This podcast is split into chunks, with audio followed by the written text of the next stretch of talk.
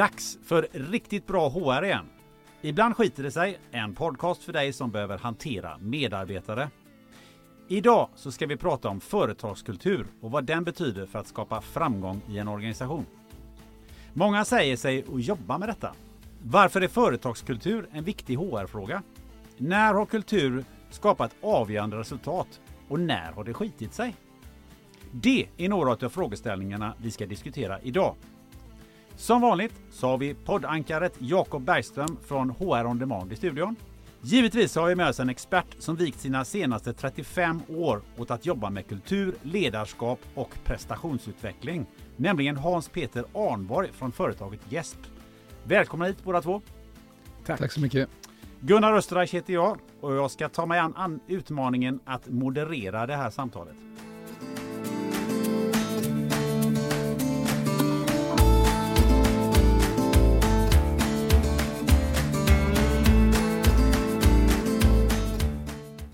Eh, Jakob, som vanligt så får du ju första tjing eh, att sätta ramen eh, kring det här samtalet. Och mm. Förr brukade det kallas för riktkar. Vad, vad tror du om det? Oj, ja, men det, det, riktkar låter bra. Det låter lite byggare på något sätt. Ja. Så det känns för bra. Vi ska ju bygga företagskultur så att det är väldigt bra. Ja, jag, jag tycker det var lite, lite roligt. Eh, när du presenterade HPs eh, bolag som att det heter Jesp. För det, det var nog inte det ni menade. man ska... Nej, men det är göteborgska är skönt Ja, det är skönt. Jesp. Ja. Annars kan man säga ESPI, men vi säger både och faktiskt. Det gör det? Ja, ja men det är coolt. Ja. Yes. Men vi ska försöka inte gäspa här idag i alla fall. Jag tror inte det. det. Jag tycker det ska bli väldigt roligt. Mm. Var det nu jag skulle rikta in lite grann varför vi sitter här idag? Eller? Ja, men jag mm. tänkte mm. alltså, alltså att ge dig en, en boll här då för att ja. för några veckor sedan så skrev du till mig eh, vad det här avsnittet skulle handla om. Mm. Och då skrev du citat Glädje, företagskultur och vad som gör att prestation och resultat alltid kommer sist. Slutcitat. Och det här tycker jag, det låter ju lite som Geist för övrigt. Alltså en stark kultur men inga framgångar. ja, nu är du elak där. Eh, kan nog ligga en del i det tror jag. ja. vad, menar du, vad menar du med det? Ja, men jag menar det att, att eh, alltså, resultatet av det, det man gör är egentligen bara en konsekvens av att man har haft roligt innan eller att man har, har gjort en bra grej. Sen så kommer resultatet. Så det var det jag menade. Eh, eh faktiskt. Jag förstår att du inte ja. tänkte på guys där. Nej, det gjorde jag inte. Jag tänker sällan på guys. Eh, faktiskt. Men det är jätteroligt och det här är ju ändå en HR-podd och HR, eh, Human Resources, är ett ganska stort begrepp. Men jag tänker så här, eh, Jakob. Det är ju många som säger sig att jobba med kultur och det förekommer ju väldigt mycket ord och mycket floskler om man ska dra det åt det hållet. Alltså, men, ja. men, men vad lägger man egentligen i begreppet utifrån från ditt sätt att se det på? Kultur är ändå, eh, företagskultur om vi pratar om det, det är ju eh, sättet vi gör saker till. Det som är accepterat i, i den här gruppen av människor som vi, vi tillhör. Och eh, jag har alltid jobbat utifrån tesen att vi är däggdjur, vi människor. Vi, vi vill höra samman. Vi vill, vill vara med sådana som gillar samma saker som, som jag. Det är därför man kanske är gaisare. Jag vet, vet inte, nu kom den, förlåt. Eh, men eh, tribes har vi pratat om ganska länge på engelska då, eh, stammar. Och, och, på något konstigt sätt så, så inordnar vi människor oss i grupper i, i kulturer, subkulturer. Vi eh, söker oss ofta till en ledare och några av de här däggdjuren som kallas människor eh, vill vara ledare, precis som de andra däggdjuren. Och alla får inte vara det. Och, och några är bättre lämpade än andra. Och, och, några behöver hjälp på vägen. Men, men så vill människan höra samman och därför så blir ju eh, det är väldigt dumt att inte jobba med, aktivt med det här då. Hur ska vi skapa och stärka den här kulturen? Därför att det är ju ett, ett medel för att få folk att ansluta till gruppen, företaget. Det är ett väldigt starkt medel att hålla kvar. Eh, och det är också ett starkt medel för vad som händer när någon behöver lämna eller någon lämnar. Så tänker jag kring kultur. Mm. Och, och, den är ju inte, den blir hela tiden till. Um, och det finns bra kultur och det finns skadlig kultur. Annars hade vi inte haft krig. Vi har inte haft konstiga partier runt om i, i världen eller sekter, religiösa för en del, eller, eller parti, partier som tänker lite krokigt jämfört med andra. Mm. Men eh, så kultur är väldigt starkt, stort och eh, jag är jätteglad att just HP är här idag för jag, jag, jag råkar veta, jag har träffat många människor som jobbar med, med det vi kallar kultur och förändringsledning genom åren. Men inte så många som HP faktiskt. Ehm, så det är en riktig expert vi har i studion. Mm. Det ska bli kul. Där eh, tyckte jag gjorde ett bra jobb som riktkarl här. Det, Ja, det blev en, eh, det blev en Ja. väldigt bra ram. Eh, Hans-Peter Arnborg, eh, du eh, brukar ju folkmun kallas för HP. Det har ju redan, eh, det har ju redan Jakob eh, outat här. Så vi hoppas att vi får göra det även i fortsättningen här i det här avsnittet. Det går jättebra. Det var ju så när, när sms eh, kom in i våra liv så var det för långt att skriva dubbelnamn. Nu har jag däremot hört att man döper sina coola barn till dubbelnamn igen. Men ingen som Hans Peter tror jag inte. Så det är lite en revival nu. Så att Ja, nu är det, tror det är coolt nu alltså. ja. Nej, men du är, du är cool på många sätt. Eh, Ett eh, sätt som du också är cool på att du ville ju faktiskt bli fotbollsproffs i Gais en gång i tiden. Ja, en, en, det preskriberade antal år sedan. Men jag trodde nog att jag skulle bli fotbollsproffs. Men jag trodde att jag skulle bli fotbollsproffs men blev hobbymusiker faktiskt. Så att jag gjorde en, en del. Det är väldigt också kopplat till kultur. Både Absolut. inom föreningsliv och idrottsliv men också inom kulturliv och musik och så vidare. Det låter mycket bättre än de olika band som har stämt sina gitarrer ihop. Ungefär på samma sätt som det gör med företagskulturer och organisa- organisationer. Och det här har fört dig in på just det här ämnet då? Ja det kan man säga. Säkert med mig från barnsben eh, och eh, dessutom då pluggat en del sånt här. Och kom ut som nyexad till Volvo och då sa PG Gyllenhammar vi ska bli bäst i världen på psykosocial arbetsmiljö. Eh, och, och så vände han sig till oss Fanns som var i ordet just 25 då? år. Ja, han var pionjär på många sätt kan man säga. Eh, riktigt Mm. coolt. Mm. Och eh, vi var ett ungt gäng där som inte hade så mycket begränsningar i tänk eller i mod. Så att det var en väldigt spännande resa. Och sen, eh, hur länge jobbade du på Volvo och var hamnade du sen? på Volvo och var ansvarig för en avdelning där. På, vi var en eh, 25 pers som jobbar med eh, de här frågorna. Mycket kring balans i livet men också kring stress och, och, och psykosocial arbetsmiljö. Och inte minst då kom det fram till att det handlar väldigt, väldigt mycket om ledarskap. Eh, Så 13 000 individuella program, det hette inte coaching på den tiden som du Mm. pratar om Mhm. Jakob, utan då kallade vi det för individuella program. Senare så startade vi egen konsultverksamhet 1990. Så att det är ju 30 plus år sedan kan man säga då. Och den hette Yes. Nu heter vi sedan 20 år tillbaka Yes eller Jesp. Vi säger båda två faktiskt. Vad, vad, vad, är, vad är det för betydelse det? Nej, men vi skulle ha ett namn. Detta var ju under den digitala håsen och IT-eran Mm. där, där allting skulle vara på engelska och allting skulle vara förkortning. Och så sa vi, ja men det handlar ju om yes, ni vet den här känslan när man har gjort en riktigt bra grej.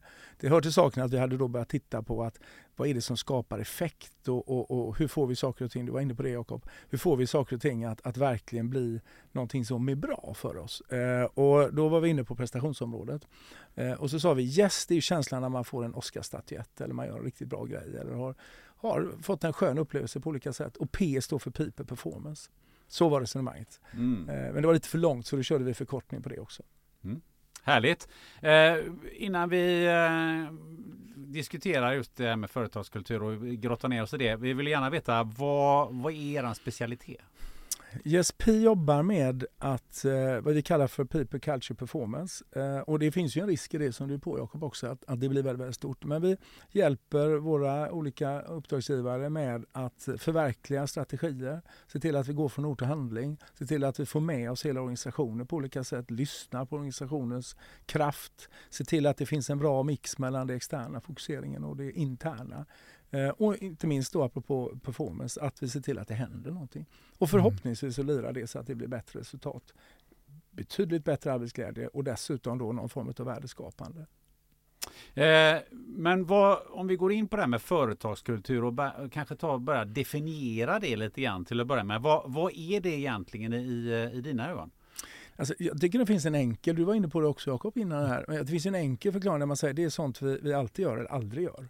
Någon har sagt det är sånt vi gör när ingen ser på. Det är ganska skön. Mm. Sådär. Det sker av sig själv. Det är ett antal antaganden och mönster och föreställningar som vi gör för att försöka få, få ihop saker och ting som, som skapar någonting. Kultur kommer från kultivarer som handlar om att odla. Eh, Så egentligen kan man säga att vi odlar goda kulturer. Det är svårt att odla dåliga kulturer, även fast det finns en hel del sådana exempel. De odlar sig själva på något sätt. Så ofta. blir det. Så blir det. Mm. Men då undrar man ju varför är det viktigt att jobba med, eh, med företagskultur och kultur på ett, på ett positivt sätt och odla den i ett, i ett, i ett bolag? Jag tror att vi, vi, man kan ju vara expert på det här, men jag tror att vi alla känner igen när en kultur är riktigt bra och, och givande för oss. Eh, vi vet när vi åker till andra kulturer, nationella kulturer eller geografiska kulturer, så, så har vi en känsla om det är schysst att åka till Paris eller inte. Vi åker oftast inte till Paris för att kolla strukturen, vi åker dit för att uppleva kulturen. Eh, så på det sättet kan man då säga att vi, vi har en, en, en intuitiv och, och, många gånger omedveten eh, upplevelse av om det är en schysst eller inte schysst kultur. Sen vet vi det att har vi en, en väldigt liksom givande och genererande kultur, någonting som är ömsesidigt och starkt och, och schysst på många sätt, så vet vi att vi mår bättre, vi gör mycket bättre saker tillsammans och, och, på det sättet skapar mycket mer värde tillsammans. Det finns ganska brutala siffror på det här. Vi vet att vi blir, en högpresterande kultur är minst 200% mer handlingskraftig och ansvarstagande, vilket är en sån mm. klassisk fråga på de allra flesta organisationer och bolag idag. Hur får vi upp ansvarstagandet? Vi vill skapa den delaktigheten och få ut den makten ut i organisationen. Vi vet också att, att högpresterande kulturer de, de eh, är 250% bättre på innovation. Eh, så att det finns väldigt starka incitament till det här. Om jag nu inte tror på kultur utan jag åker till Paris av andra skäl så, så finns det en hel del eh, liksom, eh, hård fakta på vikten av det. Samtidigt som jag tror, och, och, vi möter väldigt mycket, man behöver tro på att kultur är viktigt för att det ska faktiskt betyda någonting. Men om man inte har fattat det så, så, eh, så finns det väldigt mycket delar i det. Det ser vi också på engagemangsnivåer och sånt. Det kommer ju nya sådana studier hela tiden. Att det är kanske 15-20 procent, lite olika studier, som, som är riktigt, riktigt aktiva och engagerade. Eh, och, och roughly då en, en, eh, ytterligare kan man säga 15 procent som är precis motsatsen och så är det många däremellan. Eh, det sägs att det kostar i snitt cirka 12 procent av lönekostnaden. Det är ganska mycket pengar. Så att om man inte har det andra som har med hjärta att göra mm. och, och, insikt och bygga relationer och sådär så finns det en hel del pekuniärt i det hela också. Mm, det är intressant. En annan grej som jag tänkt, kommer att tänka på. Jakob eh, var ju inne på den här resan från att det hette personalchef till eh, HR, Human mm. Resource och nu är det liksom People and Culture. Men eh, hur mycket people and culture blir det i, i slutändan? Eller är det bara ett sätt att eh, omnämna saker och ting? Jag tror, att det, jag tror att det är viktigt att det verkligen handlar om att eh, skapa förutsättningar för människor och, och ta vara på liksom allting som vi kan och, och, och skapa den dynamiken på olika sätt. Och, och det är ju, där behöver jag en tro som, som ledare att, eh, att det här faktiskt betyder någonting. Eh, och då blir det bra people. Eh, vi vet ju alla, om vi har varit i, i grupperingar, privat eller jobbet, där det inte funkar återigen, så, så blir det inte så mycket people av HP, Gunnar eller Jakob. Då blir det liksom halvdant om man så säger. Så att jag, för oss är det här verkligen eh, relevant. Det är eh, superviktigt värderingsmässigt för oss som personer men det är också väldigt, väldigt eh, effektivt för olika organisationer. Men jag tänker på Jakob, det här HR och den, den mm. Ehm, funktionen, det är ju inte bara kultur och, och mjuka värden utan det är väldigt mycket eh, fakta eller liksom ganska, ganska eh, ja. fyrkantiga grejer också som ingår där. Absolut, det är ju det är mycket struktur i det. Och jag, Paris råkar vara min andra hemstad. Jag, jag älskar Paris, bodde där eh, under ganska lång tid eh, på 90-talet. Och eh, för att flika an lite grann, nej det är riktigt, man åker nog inte till Paris för, att, för något annat än att uppleva kulturen. Men den kulturen skulle stå ganska platt om det inte fanns brasserier, om det inte var ett Eiffeltorn eller ett Sacré-Cœur eller Place du Tertre eller någon dragspelare som står och, och spelar falskt, mm. eller tunnelbanan. Så, så det är ju exempel på struktur då i, i det fallet i en, en sån kontext som en, en världsstad med eh, många hundra år bakom sig och man kan gå på Bastiljen, Operan och eh, ganska spännande mm. saker som, som har lång historik. Och HR jobbar ju då med en annan slags struktur, det vill säga eh, vad har vi för lönemodeller? Hur ersätter vi varandra? Eh, vad, hur ser vår fysiska arbetsmiljö ut? Så det är otroligt spännande tid vi lever i nu. Vi, vi är ju i november månad när vi spelar in detta 2022. Eh, har väl kommit ur, får man säga, pandemin. Eh, pratade med en av mina kunder igår som hade haft covid för fjärde gången. Så att, eh, nu börjar det bli en återkommande sjukdom snarare än pandemi. Men väldigt intressant att se de strukturer vi var vana vid innan pandemin med, med ett fysiskt kontor eller driftställen som det heter på HR-språk då eh, är ju inte samma nu. Så att ungefär halva tiden räknar man nog med att i alla fall tjänstemän då som har den förmånen jobbar hemifrån i sina egna strukturer, sina egna kaffemaskiner, eh, sina egna hundar, barn, eh, IT-miljöer påverkar ju enormt. Så, så det kanske vi hinner prata lite om i, idag också. Eh, enkla svaret på varför, alltså jag tycker inte det är fel direkt att, att man kallar HR People and Culture. Det är, det är fel om man glömmer av att det ska vara fokus på strukturen också. Jag tror att det är extremt bra att, att se det på det sättet. För oftast pratar vi om kultur som är kopplad till beteenden. Vi pratar om kultur som är kopplad till värderingar, och attityder och föreställningar. Och sådär. Eh, men ska vi jobba med kulturen och uppleva kulturen och, och, utveckla kulturen så måste vi hitta de kulturella detaljerna. Och kulturella detaljer skulle jag säga uppstår i mixen och mötet mellan kultur och struktur. Så att om mm. möten, mm. exempelvis våra möten som många har synpunkter på på arbetsplatserna, ska de bli bättre så behöver vi jobba både kulturellt, som har med hur vi är med varandra och hur vi agerar, men vi behöver också jobba strukturellt. Ska vi jobba med firande och, och uppmuntrande och så vidare så behöver vi jobba kulturellt och strukturellt ska vi jobba med, med eh, ritualer på olika sätt och, och det som har med, med eh, våra olika symboler runt omkring på våra arbetsplatser exempelvis, så är det också strukturellt och kulturellt. Så att det är intimt förknippat. Eh, och blir inte bra annars. Så att vi behöver ha strukturer som på olika sätt stödjer den kultur vi behöver ha och vi behöver ha kulturer som legitimerar den struktur vi behöver som är kopplat till strategi, organisation, styrmodeller, policies och så vidare. Så det går väldigt mycket i varandra. En intressant fråga är ju det, vad händer om man försöker skapa kultur utan att jobba med strukturen? Jag tror att det är så att det kan man nog göra i mindre sammanhang. Så, och så är det självgenererande och vi, vi har en skön upplevelse. Vi är ett gäng som är tillsammans och gör saker och ting. Eller vi börjar spela musik ihop och så undan för undan så, så hittar vi varandra och, och, och skapar harmoni som är fantastisk. Eh, samtidigt så är det så att ska vi bli fler och fler så behöver vi också få strukturer och det skapas och etableras behov för strukturer. Så jag tror att det är extremt viktigt att de här grejerna hänger ihop. Annars så får vi liksom inget momentum i det hela och vi får heller ingen hävstång på, det, på den kultur vi vill ha. Men, men det låter nästan som att det, det vore värre att göra tvärtom. Det vill säga att vi jobbar stenhårt med att skapa en massa strukturer men vi är inte så noga med kulturen. Ja men så är det ju. Överstruktur skapar ju på många sätt eh, att vi tappar saker och ting. Det, vi vill inte vara för kontrollerade. Vi vill utveckla och vi vill skapa saker och ting. Och, och om, om, strukturen då har en tendens att, att begränsa oss så är vi mm. ganska snabba på att hitta andra kulturella stigar så att säga. Så det går blixtsnabbt. Det, det vi, vi gillar jazz om man använder det begreppet. Vi gillar jazz. Och nu, nu, några som, som kanske gillade jazz, vad vet jag. Men eh, en stark kultur är ett bolag som, eh, som ju eh, heter Ikea. Mm. Eh, hur, hur, hur funkade den kulturen där? Jag vet att du har lite tankar kring det. Ja, nu är det många år sedan vi jobbade med dem, men, men det är ju väldigt, man pratar ju oftast i, i, i Sverige i alla fall, men också internationellt väldigt mycket om, om Ikeas fina kultur. Jag tror att det, dels är det viktigt och det kan vi ta med oss oavsett om det är en sån stor multinationell koncern eller inte, eller om det är vårt lilla bolag i, runt hörnet, så kan man säga att, att grundarens betydelse har väldigt stor eh, påverkan på kulturen. Och i det fallet Minga Kampra, det, det levde verkligen. Eh, och sen så de budskap som fanns som var strukturella till stora delar som handlar om affärsmodell och sådär med platta paket och, och, och logistik och distribution och, och, prisnivåer och så vidare skapar ju och utvecklar en fantastisk eh, gemenskap och kultur där, där inte minst människor tog ställning för någonting eh, spännande på den här resan tillsammans och, och, och krokade arm på det sättet. Sen upplevde, fick vi chansen att vara med en del, nu är det ett antal år sedan som sagt, där man också då ville lägga till, det kom digitalisering. Eh, det är inte så länge sedan vi hade IKEA-katalogen som världens mest lästa faktiskt eh, bok. De många unga vet inte ens vad det är. Eh, så det ändrar sig ganska snabbt. Det påverkar kulturen ganska rejält. Eh, Ikea, om vi har förstått det rätt och kommer ihåg rätt, la också till saker och ting som handlar om design, att vi skulle vara framskjutande i det och, och tog in unga designers och så vidare. Påverkar också kulturen, det som var då det gamla kan man säga.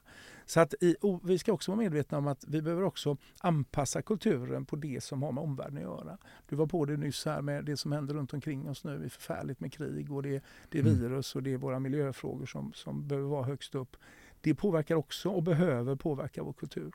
Så att anpassningsförmågan, driva den kultur vi behöver är viktigt. Och vi brukar sortera i tre perspektiv när vi pratar kultur. Det, det är ett sätt att se på kulturens effekter. Det handlar om att se vilken hävstång för, för den strategi eller den riktning vi har eller de mål vi har, affärsplaner, mål som vi har. Eh, det är viktigt att se. Kommer den kultur vi har vara en hävstång till det? Det är det ena perspektivet. Det andra handlar om Eh, arbetsglädje, eh, lusten att göra saker ihop, men också det som handlar om att prestera saker tillsammans. Och det tredje som också vi behöver ha koll på, det är det som handlar om kulturens betydelse för eh, som har med etik att göra, etik och moral, vad det får för påverkan för, för vårt varumärke exempelvis. Vi ser det på, på Svenska Akademin som hade stora bekymmer och troligen kanske har stora bekymmer. Jag kan inte det men jag antar det. Eh, vi har sett saker och ting som har varit med Swedbank och så vidare. Inte koll på dem internt heller men där, där de etiska problemen verkligen påverkar hela firman eh, verksamheten i Svenska Akademins del och upplevelsen av det varumärkesmässigt. Så att de här tre perspektiven kan man gott ta med sig. hävstångs för, liksom påverkan på hävstången, arbetsglädjen och prestationen samt etik och, och moral kopplat till eh, det som handlar om varumärken.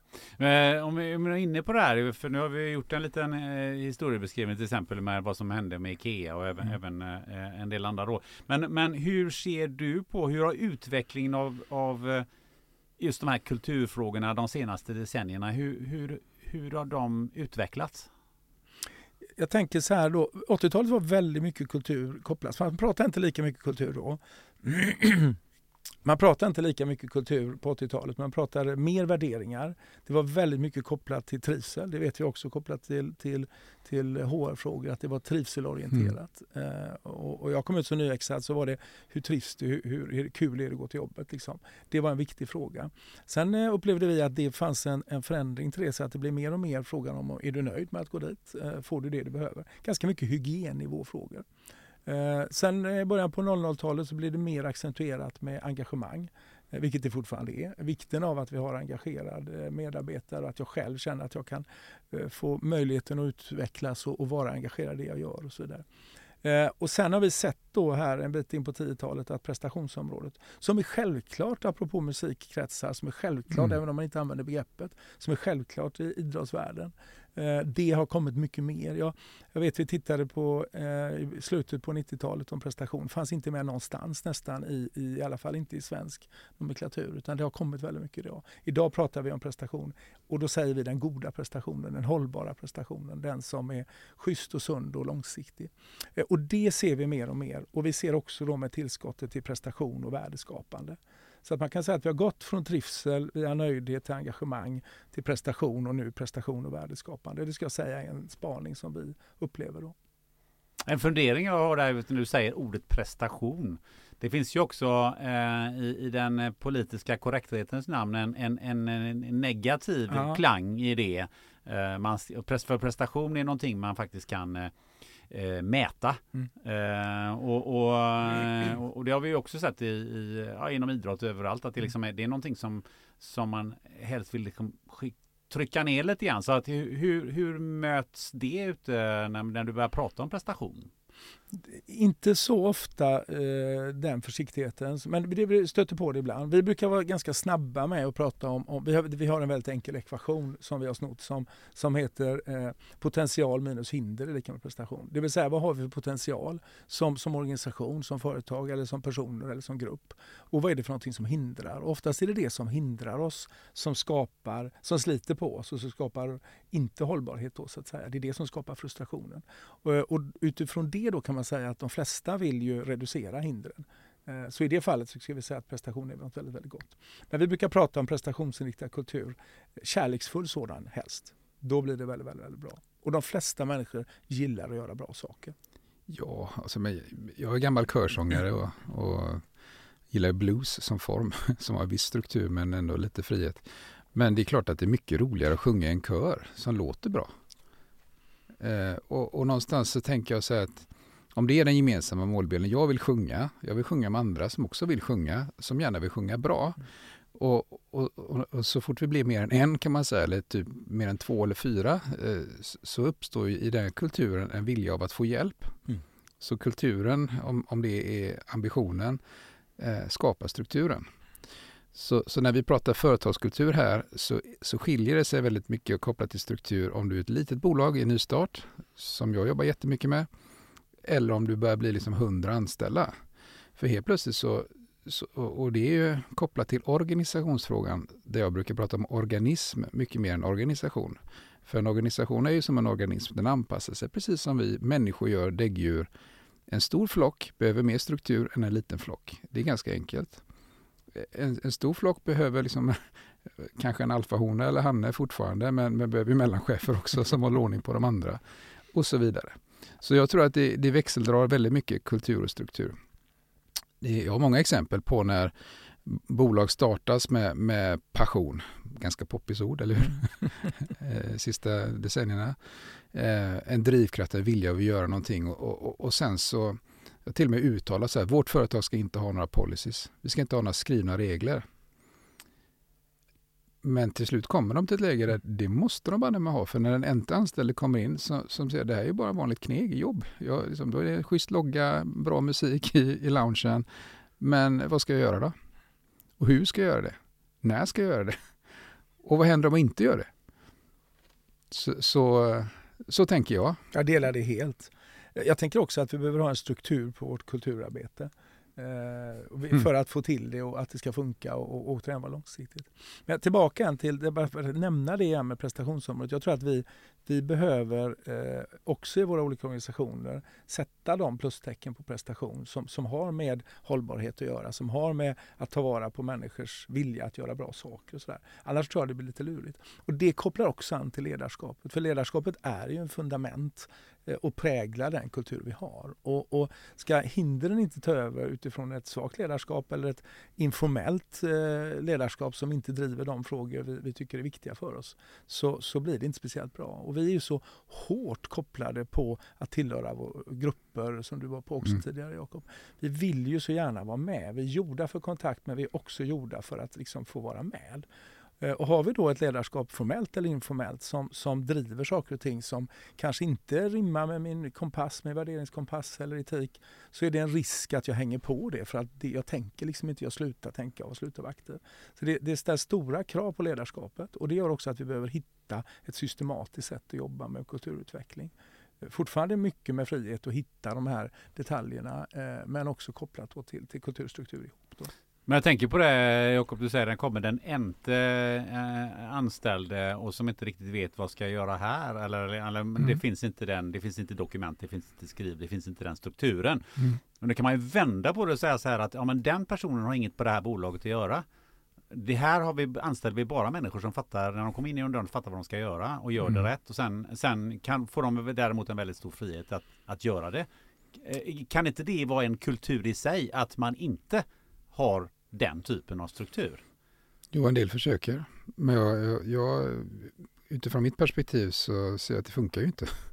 Faktiskt, för, för människan behöver instruktioner eh, förr eller senare. Vi behöver, eh, vi, vi behöver också emellanåt kunna vila i strukturen, tänker jag. För att eh, med ambition, med vilja och kommer man en, en viss bit. Och, och sen händer saker i livet, det händer saker i, ja, eh, man kanske kommer till insikt också som det nystartade bolaget att okej, okay, det är inte bara den inre kulturen vi påverkas av utan vi har ju kunder också. Eller vi levererar på någon annan. Eh, och då uppstår nya saker när ett företag växer, när verksamhet växer, blir större, som, man inte, som den gamla kulturen inte har stått inför. Som i sig kräver en viss struktur. Ta klassikern med, med konsultbolaget som börjar liksom sälja tjänster till vänner och bekanta och, och någon chef man känner och sen så är de tillräckligt stora för att få börja jobba med, med något av våra bolag på hissingen då. Och du vet alla att vi pratar om Volvo, fantastiska mm. bolag, drivkraft. Deras strukturer måste du anpassa dig till. Eh, inköpsavdelning. Okej, okay, vi ska svara på, en, eh, som ett exempel, en förfrågan och det kan vi inte göra som vi själva vill. Utan då är vi styrda av, av andra. Så, så det finns inga isolerade kulturer heller eh, ur ett företagsperspektiv, utan vi påverkas av andra allt mer. Och nu då det intressanta, jag vet inte om vi kommer hinna in på det, men, men eh, kultur föder någon slags struktur. Ta vad som händer när man skickar hem alla, eller egentligen väldigt många tjänstemän eh, fick ju gå hem för två och ett halvt år sedan och jobba hemifrån. Och eh, väldigt få bolag var beredda på den, det scenariot. Alltså fick de anställda i stort eh, skapa sina egna strukturer för hur de skulle jobba hemma. Och, och, det där, en del klarade det jättebra, andra gjorde det inte alls. Andra fick inte. För de var i, i struktur och kultur där man inte ens fick jobba hemifrån. För rent tekniskt sett mm. så gick det inte. Men på något sätt löste vi det. Alltså, mer och mer gillar jag det här ordet organism istället för organisation. För, för det är någonting som, och kultur är ju organiskt. Alltså det växer, det blir till, det anpassar sig, det självläker, det dör. Ja, nu ska jag inte vara negativ, men en organism är ju inte eh, en, en för evigt levande eh, tingest, utan det är någonting som faktiskt lever och dör. Mm. Men förhoppningsvis lever så länge som möjligt och ynglar av sig då, så man kan använda eh, celldelning eh, avhopp. Nej, men det finns jättemycket som, som skapar behov av strukturer. Vad händer när, när några i den här lilla gruppen, eh, flocken, känner att Nej, men, eh, vänta lite, det finns ett revir där borta som vi istället vill vara i. Eh, och vi vill lämna den här flocken för att gå, gå dit bort istället.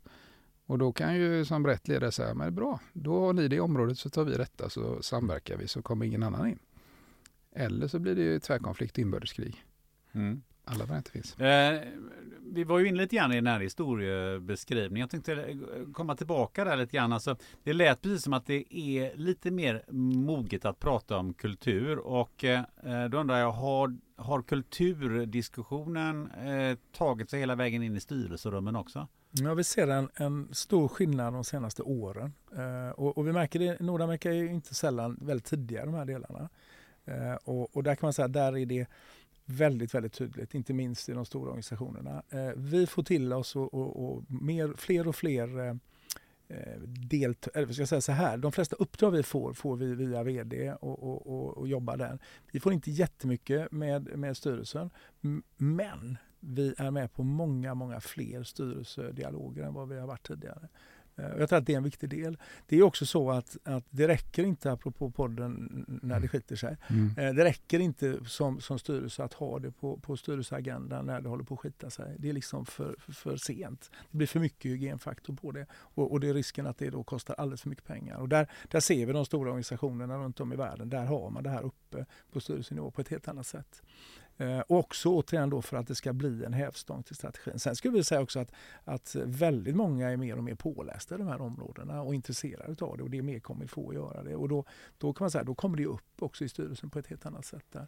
Så att ja, det är helt klart en skillnad. Eh, vi vet också det, om man tittar lite statistik, så, så, så vet vi att ska vi göra en, en kulturutveckling, en, en, kulturtransformation på olika sätt så, så är det så extremt viktigt och avgörande. Det ligger på siffror på 80-90 procent eh, alltså, har den största framgången är om det kommer så att säga, uppifrån. Om vdn präglar det och då är det där inom styrelsen också. Och då prioriterar man det. Så den, den, den är en tydlig skillnad. Eh, regelbundet uppe på lednings och, och, och eh, den typen av eh, om, på ledningsbordet och, och, och ledningsagendan men också på styrelseagendan. Det är en skillnad. Sen, sen, finns det ju naturligtvis exempel. Jag tänker också att det är väldigt många som ser att det här är en viktig avgörande del för att, att våra verksamheter ska gå bra och för att vi ska ha det bra på de jobb vi går till 220 dagar om året. Eh, men det är också en del som tycker precis tvärtom. Och, och jag tänker som det mesta, en del kommer att nå sin framgång på det. Andra når sin framgång kanske på driven och, och hård och press och så vidare. Men det blir mycket tuffare att attrahera nya talanger, mycket tuffare att skapa goda relationer. För vi vet ju också att kulturen som vi har internt, den smittar extremt mycket externt. Den påverkar våra kundupplevelser och hur vi agerar och relaterar runt omkring oss jättemycket. Så att det finns ju, det är också viktigt att säga att, att det här verkligen hänger ihop det interna och det externa i det här fallet. Därför brukar man också säga att, att får man ihop kultur med varumärket och, och kanske någon form av syftesdrivet, de tre komponenterna skapar ju fantastiska hävstänger. Det är jag som kommer från, från marknadssidan och jag vet ju att eh, historiskt sett så, så kunde man som marknadschef komma undan på en, eh, ett styrelserum med att säga att man har gjort en jäkligt skön re, reklamfilm med en, tillsammans med en känd eh, reklambyrå. Eh, idag kommer man inte undan med det utan idag är det ju hårda siffror och hur, hur många hits hade vi på den här och, och, och vad, hur går det där och där i sociala medier. Allting är mätbart. Mm. Jag funderar på det, hur, hur mycket man är man på där när det gäller siffror och försöker omsätta det i, i någonting. För jag, jag kan tänka mig att någonstans i styrelserummen så, så vill man ha det. Mm. Jag tror man, man vill ha både det och man vill ha eh, när kulturen hindrar, vad det får för negativa effekter. Eh, mäts mer och mer. Eh, fortfarande tycker jag att, att eh, branschen mäter fortfarande väldigt mycket sånt som handlar om trivsel och, och möjligtvis engagemang. Det mäts väldigt lite prestation. Eh, den goda formen av prestation. Hur, hur lirar vi ihop så att säga och, och vad skapar vi för någonting? Eh, självklart i idrottens värld. Det finns ingen som tvekar på att det vi gör ska, ska på något sätt ge någon form av eh, möj, större chans att, att få ett bra resultat. Vi har pratat i 20 år om att spelar vi bra så får vi också över tid ett bättre resultat. Det börjar komma mycket mer i organisationerna. Så att mäta kulturen, det är ganska trögrörligt med kultur. Så man behöver ha lite längre cykler i det. Eh, samtidigt så vet vi att, apropå pandemin, att vi får ganska snabbt kulturomställningar. Vi kan göra snabba kulturomställningar så att vi får inte heller fastna i dogmen som heter att kulturförändring är långsam. För ibland går den skitfort om marknaden så kräver eller omvärlden kräver eller vi bestämmer oss för någonting. Så att det är en viktig del. Men, men det går att mäta kultur. Det går att mäta kultur utifrån riktningen. Är vi överens om riktningen och kör vi på vägen dit tillsammans? Det går att mäta kultur utifrån handlingskraft. Eh, hur ser vi på handlingskraften? Hur lirar vi tillsammans i det här fallet? Vad är vår uppfattning om det? Det går också att mäta kulturen om vi kopplar det till konsekvens exempelvis. Plus och minuskonsekvens är självklara ingredienser för att man ska få en prestationskultur. Och vi, vi ser det att eh, i många fall så blir det ingen konsekvens alls. Vi, vi, firar när någon slutar eller någon fyller år men vi firar inte goda prestationer. Vi, vi mm. gör ingenting ifall folk inte gör som vi har kommit överens om. Vi, vi tittar på detta i många bolag och, och kan konstatera i vår goda, snälla, fina relationsorienterade, inte sällan då svenska kultur, så, så har vi också en tendens eh, att vi faktiskt blir alltför toleranta. Eh, det sker ingen konsekvens om vi inte gör det vi har kommit överens om. För vi går hem på vår kammare och kör lite fritt valt arbete. Eh, och där finns en jättepotential i det. Vi har också ett sätt att mäta kultur som handlar om samspel och göra saker och ting tillsammans. Samt, om vi då håller, bara försöker hålla ihop det på något sätt, anpassningsförmågan. Lyssnar vi på vad marknaden säger? Är vi där i tid? Vågar vi lägga de här frågetecknen på bordet och göra dem till utropstecken? Och är vi skickliga nog i tillräckligt tempo att göra de förändringar som vi faktiskt behöver göra? Där finns delar att, att mäta och följa upp på kulturen. Eh, jag tror att vi har bara sett en linda i det. För att vi behöver ha, ha kunna, apropå systematik och struktur också vad det gäller kulturutveckling. Jag tänker på just det här med anpassningsförmåga. Vi har ju, vi har ju touchat eh, vid det några gånger här. Alltså, eh, hur viktigt är det att i, i den tid vi lever nu eh, att vi eh, klarar av att, att anpassa vår kultur. Jag menar, vi, vi, vi har globala utmaningar, vi har pandemi, eh, eller haft pandemi, vi har, varit krig i delar av, av, av, Europa och så vidare. Miljöfrågor och så. Um, hur, eh, hur viktigt är det att vi klarar av just den här anpassningen? Ja. Det ser ut som du skulle svara. Ja, jag, har ju så, jag tycker att vi lever i en väldigt, väldigt märklig tid på många sätt. Och eh, det arbetet vi pratar om här idag, att, att, aktivt arbeta med företagskulturen, det är det många som gör. Och man gör det så eh, på, på, många bra sätt. Ett sätt att mäta effekten av kultur eller tillhörighet är ju eh, alla de nya moderna eh, medarbetarundersökningar som kommer där vi mäter varje dag och så vidare. Men jag skulle säga att jag, det är rätt ofta faktiskt som jag springer på kunder då som har, de har fantastiskt, de har det så bra de anställda. Jättestark kultur, eh, finns liksom inte fel på vad som händer den 25 heller. Och, och de har jätteroligt och med på alla fester och, så, och de byter ändå arbetsgivare. Konstigt. Mm. Så att företag som jobbar jättemycket med sin kultur. Eh, så i företagsvärlden eh, så är det lite grann som i, nästan i äktenskapsvärlden. Vi har kommit så långt på Maslows behovsskala här i, i vår värld så att vi har en byt, byta ut, byta bort, byta kultur. Den är inte riktigt lika sann om vi tänker vilket fotbollslag man hejar på eller vilket parti man väljer att rösta på eller vilken religiös tillhörighet man har. Där är vi lite mer trögrörliga eller kanske mm. vilken bensinstation vi valde att åka till när vi hade bensinbilar eller bank och så vidare. Men just att byta jobb. Mm. Så jag har sett många exempel på företag som lägger mycket energi på, på det vi kallar kultur. Eh, och det hjälper ändå inte. Det var en spaning jag fick nu. Mm. Mm. Fast vad hade, vad hade hänt om de inte hade gjort det då? Ja, då hade det förmodligen varit ännu värre. Mm. Men, men, det är rätt, rätt mm. eh, illa ställt idag. Och våra, inte ens jag som är född på 70-talet, behövde gå en skola med skoluniform. Vi hade förvisso betyg från åttan eller vad det var, men, men går du i skolan idag, en svensk skola, jämför den med, med en engelsk skola eller, eller vilken annan skola som helst, på tal om det du nämnde sist, om, om regler och konsekvenser. Mm. Ja, men det är ju det är kvarsittning, du missar mm. skolbussen. Mm. Eh, det är ganska jobbigt i ett land där det inte finns kommunal trafik. USA tänker jag på till exempel. Mm. Fortfarande rätt tydlig strukturkonsekvens. Det har vi lite av. Och där uppstår ju behovet av struktur och HR kan man säga. Vad händer om du inte gör det vi förväntar oss att du ska göra? Och hur vågar man från HR sida då vara med och stötta kulturarbetet i att följa upp på strukturen? För det är jätteviktigt. Det måste få någon slags konsekvens. Ja, det var väl många inlägg i ett och samma, men jag, eh, jag, tycker det är jätteintressant. Det är ett evigt arbete, det pågår hela tiden, men det utmanas alltid av individens egna val. Och, och eh, om du inte av överlevnadsskäl måste tillhöra en flock, där fallerar ju exemplet med vargflocken till exempel. För där dör du ju om du inte är med i flocken. Du kan inte springa ut i skogen och vara själv och, och bilda en ny flock, utan du måste höra samman. Men idag i vårt samhälle så är det ganska lätt att byta fru eller man eller, eller eh, jobb eller något annat. För om inte det funkar, men då, då tar samhället nog hand om en, har man trott. Vi får se. Jag hänga på det här, tänker jag. ska hänga på det här, eh, det du säger, för jag tror att det, det är extremt viktigt med anpassningsförmågan som du är på. Du är på det också, Jakob. Jag tänker att vi behöver vara skickliga på att anpassa oss. Vi behöver se till att vi, vi är följsamma för att det faktiskt är väldigt mycket eh, möjligheter runt omkring oss, i alla fall i vår eh, ganska så skyddade värld här uppe eh, i västvärlden så är det så. Och då behöver vi vara skickliga på det om vi ska vara relevanta, om vi ska se till att vi faktiskt kan vara med och påverka på olika sätt som är bra för oss människor men inte minst också bra för organisationen. Jag tänker också att det är ställningstagande om och om vi gör. Eh, tittar vi på det som hände igår tror jag med Twitter, det är ju spännande, där, där Elon Musk går ut och säger nu får ni bestämma er, är ni på detta eller inte? Annars kan ni bara dra, ni får tre månader. Det är, det är väldigt, väldigt utmanande för kulturen och det kan man nog konstatera att det kommer bli en helt annan kultur på Twitter i framtiden och troligen också en annan approach till marknaden. Så att det här är, handlar om anpassningsförmåga. Om det är rätt eller inte det kan inte jag bedöma. Men det får konsekvenser när vi gör på det sättet. Det får konsekvenser när vi får en annan marknadssituation. Det får konsekvenser när vi kanske inte attraherar de vi vill attrahera och så vidare. Och så, vidare. så vi behöver vara på tå i de här frågorna och vi behöver se till att vi tycker det här är kul. Och vi behöver göra det till ledarskaps faktiskt ingredienser.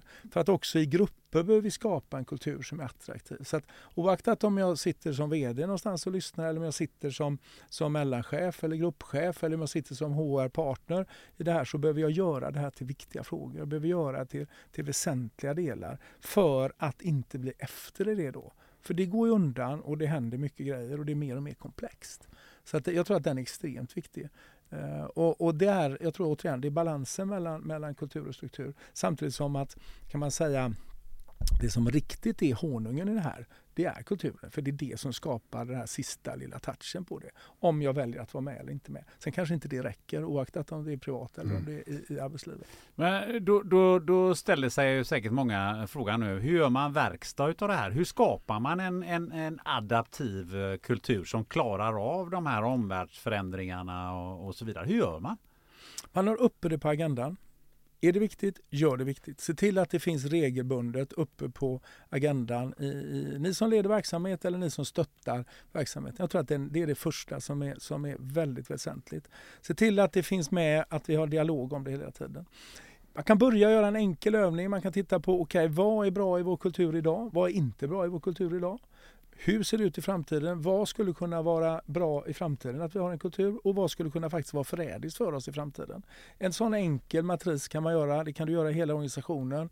Vad är bra? Vad är inte bra? Hur ska det se ut imorgon? Och vad är då viktigt och inte viktigt? Så att den typen av frågor, att jobba med det kontinuerligt. Sen är det viktigt att, att våga eh, faktiskt eh, intressera sig ska jag säga, för det som handlar om, om kultur som ledare. Jag kan liksom inte inte göra det. För att om det är så att jag inte tar kommando över kulturen, då blir ju kulturen vad den blir, inte vad det är tänkt. Så att jag behöver upp och göra det viktigt och jag behöver se till att, att jobba med det kontinuerligt. Jag behöver så att säga vattna den kultur jag vill odla hela tiden. Eh, och den, den, den tredje delen skulle jag säga handlar om att hitta en systematik, alltså en mix mellan kultur och struktur, så att, som gör att vi får till det och titta på de kulturella detaljerna. Inte bara prata värderingar. Det, det har varit väldigt mycket och jag upplever att det är på väg att komma igen där vi vill skapa värderingsorienterade och värderingsstyrda bolag, vilket är superbra. Men det tenderar att, att bli värderingar som blir lite generiska och risken är då att vi inte får den kraften som vi behöver. Så vi behöver addera till saker och ting till den typen av insatser eller de, de, den, den synsättet för att det ska bli riktigt bra. Återigen, hitta de kulturella detaljerna. Sen är det, jag vill säga det igen, det är viktigt att hitta en mix mellan relation och resultat. För oss är, vi pratade prestation förut, för oss är eh, kan man säga det bästa om man får ihop relationsfokuseringen med resultatfokuseringen. Det skapar en fantastiskt långsiktig hållbar prestation. Eh, får vi för mycket fokus på resultat och för lite relationellt, då kan det bli hårt och kallt. Får vi tendens med att det är för mycket relation och för lite resultatfokus, då får vi att det blir varmt och skönt men också faktiskt inte sällan övertolerant. Så att få till den här prestationsglädjen, samarbetet, det vi gör och skapar och värdeskapar tillsammans, det är liksom mixen mellan relation och resultat. Det kan man också plottra in i sin organisation och man kan snacka om de här grejerna. Så håll igång dialogen, se till att eh, är det viktigt, gör det viktigt. Men inte sällan ta stöd och hjälp också att mäta, att följa upp och få ska säga, motorer som driver på detta både internt men också ibland med externt stöd.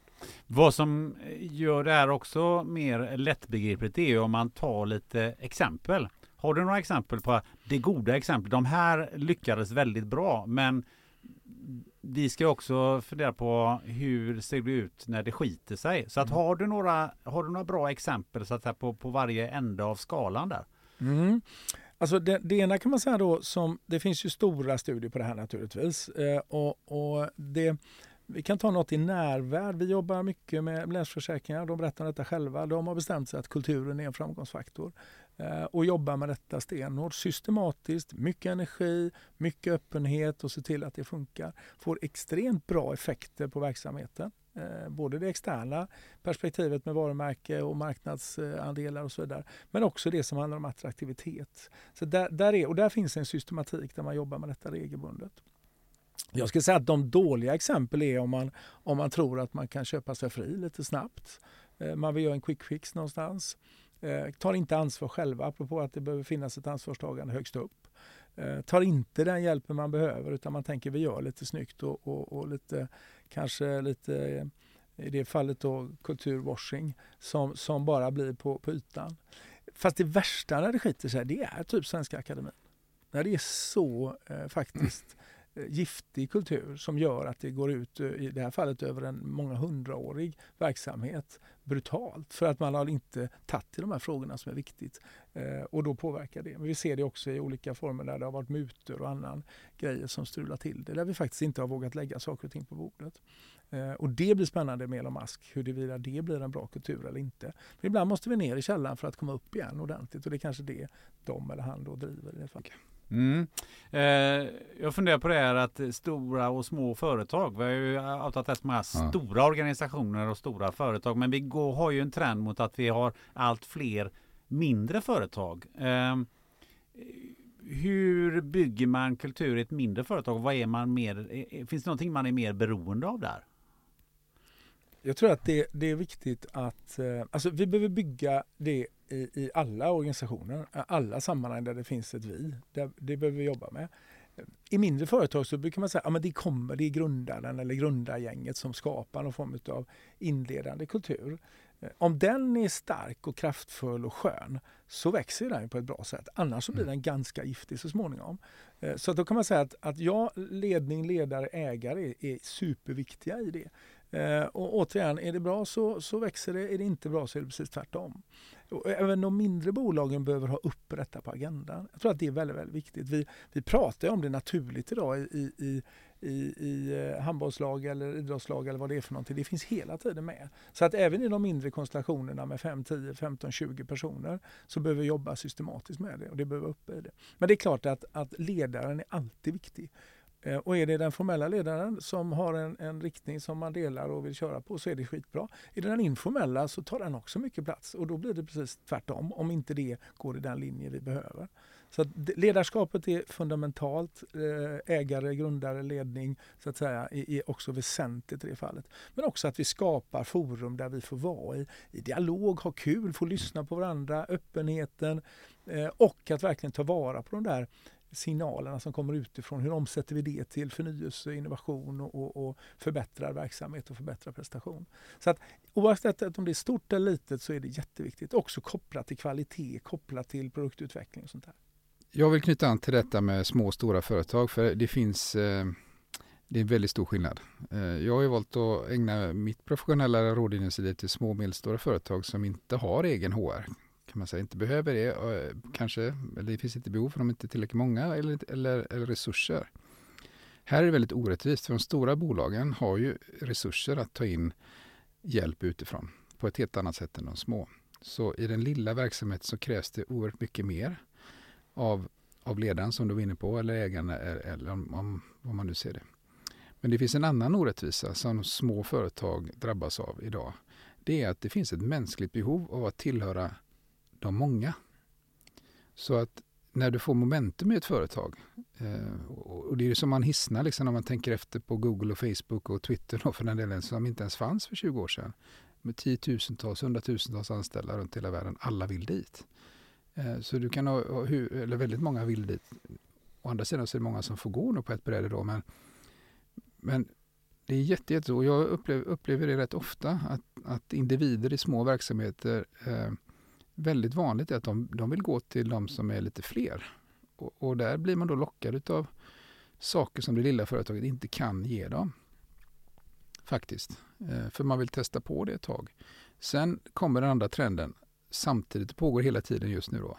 Samtidigt som, som det sker eh, så, så startas det många nya bolag och så startas det massor med Jag AB just nu i det individualiserade eh, Sverige då eller världen, giggar kallas det runt om i hela världen, i västvärlden i alla fall. Kulturfrågan är en jättestor utmaning för små bolag. Hur ska man jobba med detta? Och vad är kultur? och särskilt vad händer nu då när alla vill jobba hemifrån? Och, och det lilla bolaget har inte hunnit ännu skapa strukturerna. Hur ska vi göra? När, men vänta lite nu, den här medarbetaren vill inte komma till jobbet. Nej, har ni definierat upp vad, vad, vad, det innebär att vara på jobbet? Nej, vi har ingen, vi har ingen rutin för det. Nej, men då kanske vi ska börja med det. Då får man börja och det i sig blir en annan kultur. Har du några tips där HP? Jag tänker att det, det, i de mindre bolagen, gå samman, eh, gå och engagera dig i, i nätverk. Vi har mm. vd-nätverk, P-network, det finns Handelskammaren, det finns många sådana konstellationer som också är friare, där mm. vi kan byta de här frågorna. Mm och prata där företagskultur. Prata inte bilar och aktier bara utan prata faktiskt det som gör att bolagen drivs framåt på olika sätt. Så jag tror att det där är en viktig del. Byt erfarenheter. Sen tror jag också som du är på där med, med, med HR Eh, kompetensen. Eh, en viktig fråga som vi ser det är att, att kulturfrågorna kommer upp på den strategiska agendan. Där behöver HR också vara med, med human resources-frågor och också kulturfrågor. Så att läs på, var intresserad, se till att komma ut och vara i, i de strategiska frågorna. Det vill säga, vad får kulturen och people för effekt för den resan vi är på? Eh, och där finns det mängder av goda exempel, men det finns också en del mindre goda exempel vi möter. Så att här finns, där finns ju en, en jätte vitt fält att fylla för att vi behöver guidning i detta. Det är självklart att vi idrottslag har en tre, fyra coacher. Det är självklart som tar olika delar. Det är fysiologiskt och det är taktiskt och det är forward och det är försvarare och så vidare. I näringslivet så är det kanske på sin höjd ledningsgrupperna som får tillgång till det här. Så att alltså, vi, har en, vi har en jättepotential i det här om vi verkligen ser möjligheten i takt med att konkurrensen ökar. För det kan man ju säga i idrottsvärlden och också i musikvärlden så blir det tuffare och tuffare. Vi delar på saker och ting. Vi se vad som händer på Spotify. Vi får tillgång till att se på Premier League istället för att se på, på division 3 i, i, i Lerum och så vidare. Och så vidare. så det kommer också innebära mängder av möjligheter för oss där vi faktiskt behöver få upp de här frågorna på, på, på en annan kompetensnivå helt enkelt. Det känns som att vi är på väg in i framtiden eh, här och i, i, också i den här diskussionen. Så att eh, jag skulle vilja ställa frågan till Anna, vilka, vilka trender ser vi idag? Alltså vilka vilka bolag och organisationer kommer att, att bygga den mest framgångsrika eh, kult, kulturen framöver? vad, vad, vad tror ni? Oj, vad spännande. Jag tänker, och vi tänker, att det handlar väldigt mycket, om vi tror att, att kulturen är en framgångsfaktor, om vi inte så här skiter i den, då handlar det om att få upp de relationella frågorna och få till det väldigt, väldigt, väldigt starkt och koppla det till fokus på vart vi ska och resultatorienteringen. Det kommer att vara helt avgörande. Där finns det delar som har med värdeskapande, syftesdrivna organisationer som kommer att hjälpa till. Förmågan att skapa ekosystem som också faktiskt lirar med andra organisationer och sådär. Det innebär också att vi behöver vara duktiga på relationer. Eh, mm. Både internt men också externt med partners, göra saker tillsammans. Så hela den relationella sidan som är så nära oss människor, för vi vill, ha, vi vill tillhöra flocken som, som vi har pratat mm. om. Vi vill också bygga saker och ting tillsammans. Så där ser vi en, en, en tydlig del i det. Eh, ekosystemet, få ihop det, jobba långsiktigt eh, och ja, släpp eh, det var ju någon låt som hette Släpp fångarna loss, det är vår. Släpp loss kraften i organisationerna på riktigt och gör och ställ krav på det på olika sätt. Se till att hedra det. Där kommer, tror jag vi kommer att se mycket de närmaste åren. Också i en, i en eh, utmanande värld som, som väl troligen kommer tyvärr att vara med oss på olika sätt här. Då behöver vi se till att vi är duktiga på anpassning oavsett om vi är fem personer eller om vi är 5 000 eller 50 000. Vilka, vilka krav ser du att, eh, att det kommer att ställas på framtidens ledare? Krav på relationell skicklighet. Var skitduktig på relationer. Och var duktig på att se till att vi också vet vad som driver prestation. Att jag är duktig på de delarna. Så att en mix återigen mellan relation och resultat. Var duktig på att både veta vad kommer ur vår verksamhet. Vi brukar prata mixen mellan input och output. Eh, att vi faktiskt ser till vad kommer ur den här verksamheten. Hur får vi verksamheten att växa? Hur får vi människor att växa? Hur ser vi till att leverera bra grejer? Så där, där ställs det nya krav på, på ledarna. Det är inget nytt egentligen. Det, det sades för, för 35-40 år sedan också. Men det blir mer accentuerat. Vi behöver ha ledare som, som går i bräschen för de här delarna. Eh, och också se sitt uppdrag som det faktiskt är, att vara ledare för verksamheten. Att jag gör det till en profession i sig, vilket också har pratats i många, många år om. Men vi ser allt för mycket faktiskt där vi lite grann gör det när vi får tid över. Och det räcker inte. Sen finns det också medledarskapet som kommer att öka. Apropå det som jag sa inledningsvis, högpresterande kulturer, de har 200% bättre handlingskraft och ansvarstagande. Så medledarskap utifrån att verkligen ta ansvar för sitt jobb, för helheten, sin del och helheten och också se till att vi faktiskt driver på och är nyfikna och. Så jag tror att det kommer att ställa andra krav på ledarskapet. Det kommer absolut ställa andra krav på medarbetarskapet också. Och det ser vi redan idag. Nyfikenhet, öppenhet för nya delar. Vi kan liksom inte säga att vi skiter i det digitala. Det, det, funkar liksom inte längre. Jag är inte så intresserad av sociala medier, jag struntar i det. Alltså det är passé skulle jag säga. Mm. Eh, och, ja. och, det är bara att titta på de som är våra ungdomar och de som är i 20-25 årsåldern eller för all del 15-årsåldern. De springer ju förbi oss. Så att här finns en jättespännande potential tänker jag.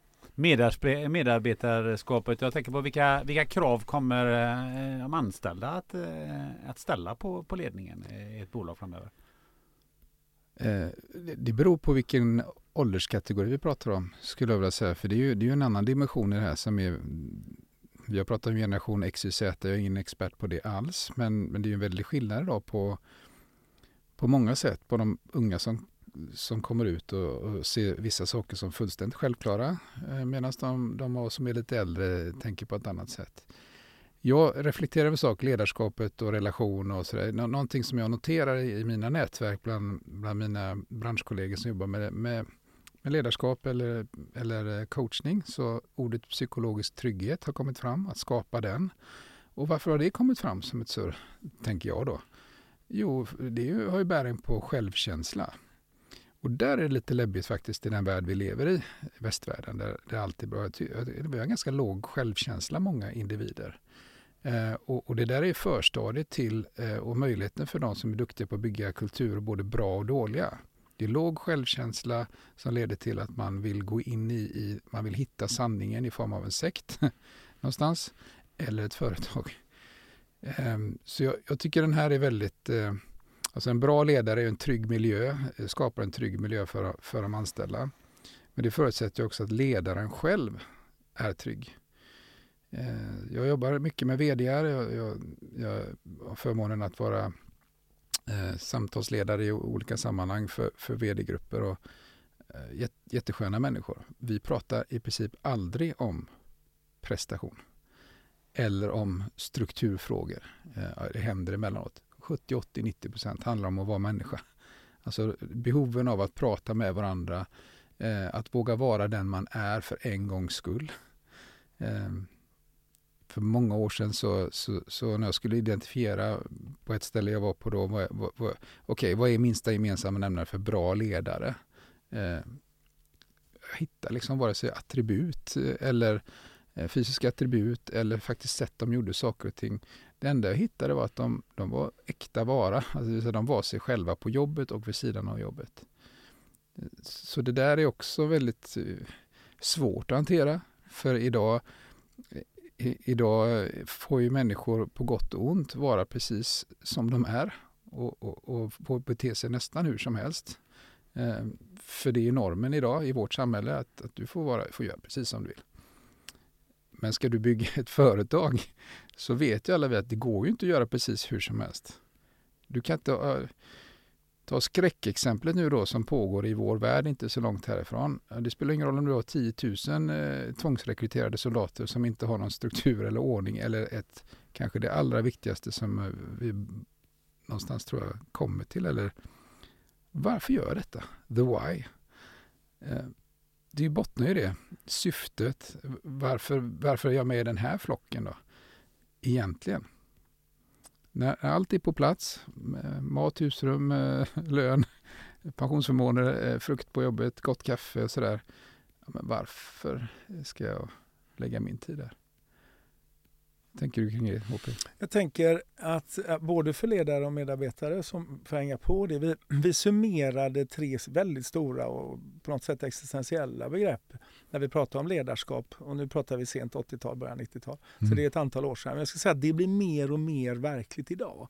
Eh, och då, då pratar vi vikten av, av att eh, skapa och uppleva frihet. Eh, så att å ena sidan behöver vi ha struktur och, och se till att vi kan förlåt, Å ena sidan behöver vi hitta sätt där vi kan skapa struktur och, och viss kontroll. Men vi behöver skapa frihetsmöjligheter. Eh, vi behöver som medarbetare kunna känna att vi kan påverka och verkligen på riktigt uppleva det. Och, och samma sak som, som ledare. Det andra vi konstaterade som är ännu viktigare idag, fast det var viktigt också, det är kärlek. Eh, hur upplever jag när jag kommer till jobbet? Vilken atmosfär är det? Vilken, vilken relationer har jag? Hur känns det i magen när jag möter mina arbetskamrater? och lite vatten på det så blir det mycket bättre. Jag, jag, kan flika in lite grann mellan vattnet och så. Ja. För att vi, det är lätt att man rör sig nu 80-90, det låter som ganska långa distanser men, men det är ju faktiskt ett par tusen år. Det kom en kille hit som, med kärleksbudskapet som du var mm. inne på. Mm. Det här är ju eviga frågor. Mm. Det är ju inte så att vi, vi kommer på något. Jag tror nämligen själv inte att det, det kommer ändra sig jättemycket kravet på ledarna framöver jämfört med hur det var på 70 80-talet eller till och med för 2000 år sedan eller 3000 år sedan. Det finns ett behov utav tydlighet, att följa vissa normer som, som ser ungefär likadana ut i, i, i de flesta religioner om man så vill. Eh, och jag såg ett flödet nu, eh, lite förvånande faktiskt, i, på LinkedIn. Alla eh, som lyssnar på det är förmodligen på LinkedIn emellanåt. Så var det någon som hade lagt ut en, en ganska självklar sak, men det fick mycket spridning. Var snäll, var liksom, var liksom be nice. Det är tydligen, alltså, ja, tänker jag, är ni inte det? men, men eh, behovet finns av att vara snäll, för, för de flesta av oss vill ju mötas av kärlek då, eller att, snäll tror jag är liksom en, en konsekvens av att vara kärleksfull eller förstående, förlåtande. Eh, men för den skull inte vara mesig. Så jag tror att det är den fällan många ledare kan tänkas gå i. Att, att, eh, att, och kombination att vara snäll, att vara relationellt inriktad men samtidigt vara tydlig och konsekvent. Det är, återigen, friheten är viktig, det har vi pratat om. Kärleken är superviktig och upplevelsen av att det funkar med relationerna. Eh, och, och, när vi frågar så här slarvigt också i, i, i, i, grupper som inte är så vana att prata om det här, så frågar vad är det som är avgörande för att det är kul att gå till jobbet, så, så kommer alltid i princip överst att det känns schysst med arbetskompisarna. Eh, så kan man då tycka att det, det, är ett underbetyg till vad vi håller på med. Men, men det är absolut så att det är superviktigt, apropå det du pratar om med, med, med, med snällhet och, och vänlighet. Vi vet också om eh, att eh, det här med ohövlighet kostar ruggigt mycket pengar. Så känslan apropå kultur som där jag känner att jag blir, får en uppfattning att jag blir ohövligt eh, bemött. Det påverkar. Vi vet att det, det är 48 procent som då upplever att de medvetet faktiskt eh, presterar sämre medvetet faktiskt går ner i ansträngning. Medvetet faktiskt på olika sätt låter det gå ut mot kunderna i 25 procent. Det är ganska stora delar. Så att jag röstar med fötterna där, eller i alla fall med mitt agerande. Så vi har frihet och vi har kärlek och, och den tredje komponenten skulle man säga handlar om mening. Det vill säga det som handlar om att vad är, det, vad är det för mening med att jag gör det här? Vad är det vi skapar för någonting? Helheten, syftesdrivna, eh, innehållet i mina arbetsuppgifter, innehållet i det vi skapar. Men också det större som har med samhällsansvar att göra, som är ännu mer aktuellt idag. Så jag tror att de här tre delarna vi identifierade för, för och jag håller med dig, det är flera tusen år gammalt, det är säkert väldigt, väldigt existentiellt och mänskligt. Det blir mer accentuerat. För vi vill ha de här tre fundamenten faktiskt på olika sätt tillgodosedda. Så jag tror att de delarna kommer att vara superviktiga. Eh, och tittar vi då på det som har med meningsfullhet så blir det också som en del utav, det är inte bara en, en fluga, det är en viktig del. Vi behöver ta ansvar för den närvärld vi är i och vår, den stora världen. Apropå syfte och mening. Och vi behöver på det sättet faktiskt agera som ansvarstagande både människor och organisationer. Så jag tror att alla de här delarna enkelt summerat i frihet, kärlek, mening ganska bra att komma ihåg. Är det frihet på jobbet nu? Är det kärlek? Är det mening? Ja eller nej? Hur är mitt ledarskap kopplat till det hur är mitt medarbetarskap kopplat till det? Jag fick något nytt. FKM-index kan du ta med dig och börja mäta frihet, kärlek, mening. Eh, de tre fundamenten. Eh, det är dags att avrunda det här intressanta eh, samtalet. Jag har lärt mig oerhört mycket. Jag tycker att det känns en väldigt, som en väldigt bra avrundning att, att vi har pratat om de tre fundamenten som faktiskt är väldigt gamla men som är superaktuella nu och kommer bli framöver. Nu fick vi inte riktigt med det, vi kanske kan få med det på något sätt, men jag hade en fråga till HP faktiskt, för du var inne på det mm. tidigare kring, eh, du sa själv att när ni jobbar med förändringsresa så, så, jobbar ni mest med VD, inte så mycket med styrelse, men ni börjar mer och mer komma in mm. i styrelserummet, men det är VD som är uppdragsgivare. Mm.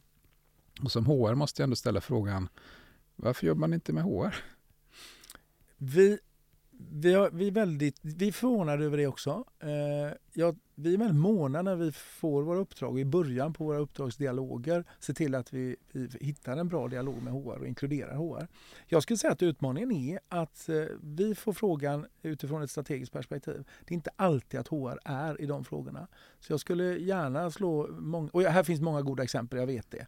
Så att, att med all respekt för det. Jag tror också ibland det handlar om att lägga tid och kraft och resurser på de här frågorna som gör att vi inte som HR-organisationer alltid hinner med det så att säga. Mm. Och sen ibland vänder man sig utanför när man egentligen borde titta på kapaciteten som finns inhouse faktiskt. Och, och, då blir det lite grann som att, att då kan det lättare att få någon som kommer utifrån, vilket känns ju väldigt orättvist. Så vi är måna och vi gillar väldigt mycket av de samarbeten vi har med HR-organisationerna. Men initiativtagandet från HR-personer är, är, tycker vi, lite olyckligt eh, faktiskt. Att man inte får upp kulturen mer på den strategiska agendan. Där tror jag HR är, eh, det är inte riktigt svar på frågan, men jag tror att det, sitter vi här om 5-10 år så kommer det här vara självklart. Men jag tror någonstans så, det vi inledde med att säga att HR eh, nu är people and culture, så den resan eh, har skråmässigt eh, påbörjats, men, mm. men du, du är kvar vid de gamla strukturerna då. Mm. att eh, Ska man ta beslut om att ta in externa konsulter så är det en pengafråga och det är en budgetfråga så att du som HR måste vara väldigt duktig på att motivera varför. Och det kanske inte många HR inte har lärt sig ännu. För de kommer inte från affären. Jag upplever också att, att eh, eh HR var väldigt mycket en strategisk fråga och en kompetensförväntan tidigare. Sen ville man få ut HR-kraften ut i organisationen eh, och då tenderade det också att man tappade en del av den kraft och, och, och, och, påverkansmöjlighet som man tidigare hade. Nu upplever jag att eh, HR, liksom vi pratar varumärke, marknad och så vidare, det är ju superviktiga strategiska områden som är helt nödvändiga i ett fungerande helhetsperspektiv. Och, och matrisperioden är ju liksom, det är bara i sin linda liksom, att, att verkligen få till det i, i, i våra organisationer. Och då blir de här som tidigare hette stödjande organisationer, de blir extremt viktiga strategiska funktioner. Att kulturen är ju väldigt många små saker i vardagen. Och jag tänker när vi går härifrån, vi tre tillsammans men också de som lyssnar, att verkligen göra de där odlingarna var och en. Det kan handla om att säga hej, det kan handla om att ge ett leende, det kan handla om att bry sig det lilla extra. Det vet vi att det påverkar jättemycket kulturen. Det påverkar också prestationen. Och också faktiskt göra det varje dag så att vi får upp det här och skapa en skön stämning runt omkring sig med generositet och så vidare. Det finns en hel del sådana här saker som vi faktiskt kan göra varje dag och som påverkar den kultur vi är i. Oavsett om det är i bolaget eller hemma i familjen eller faktiskt i hela samhället. Så det vill jag också skicka med. Och det får jag säga det är skön stämning är också sånt där ord. Jag, jag, känner att jag har haft en fantastiskt skön stämning eh, här inne i studion och eh, jag hoppas att eh, du som har lyssnat också har känt av den, den eh, sköna stämning. Så att eh, vi vill tacka dig som har lyssnat. Vi vill tacka HP, givetvis för alla kloka ord. Jakob som vanligt, smarta och kloka inlägg. Så tack till dig som har lyssnat eh, på eh, avsnittet om företagskultur som framgångsfaktor i podden Riktigt bra HR. Ibland skiter det sig. En podcast för dig som behöver hantera medarbetare. Tack och hej! Tack så mycket. Tack!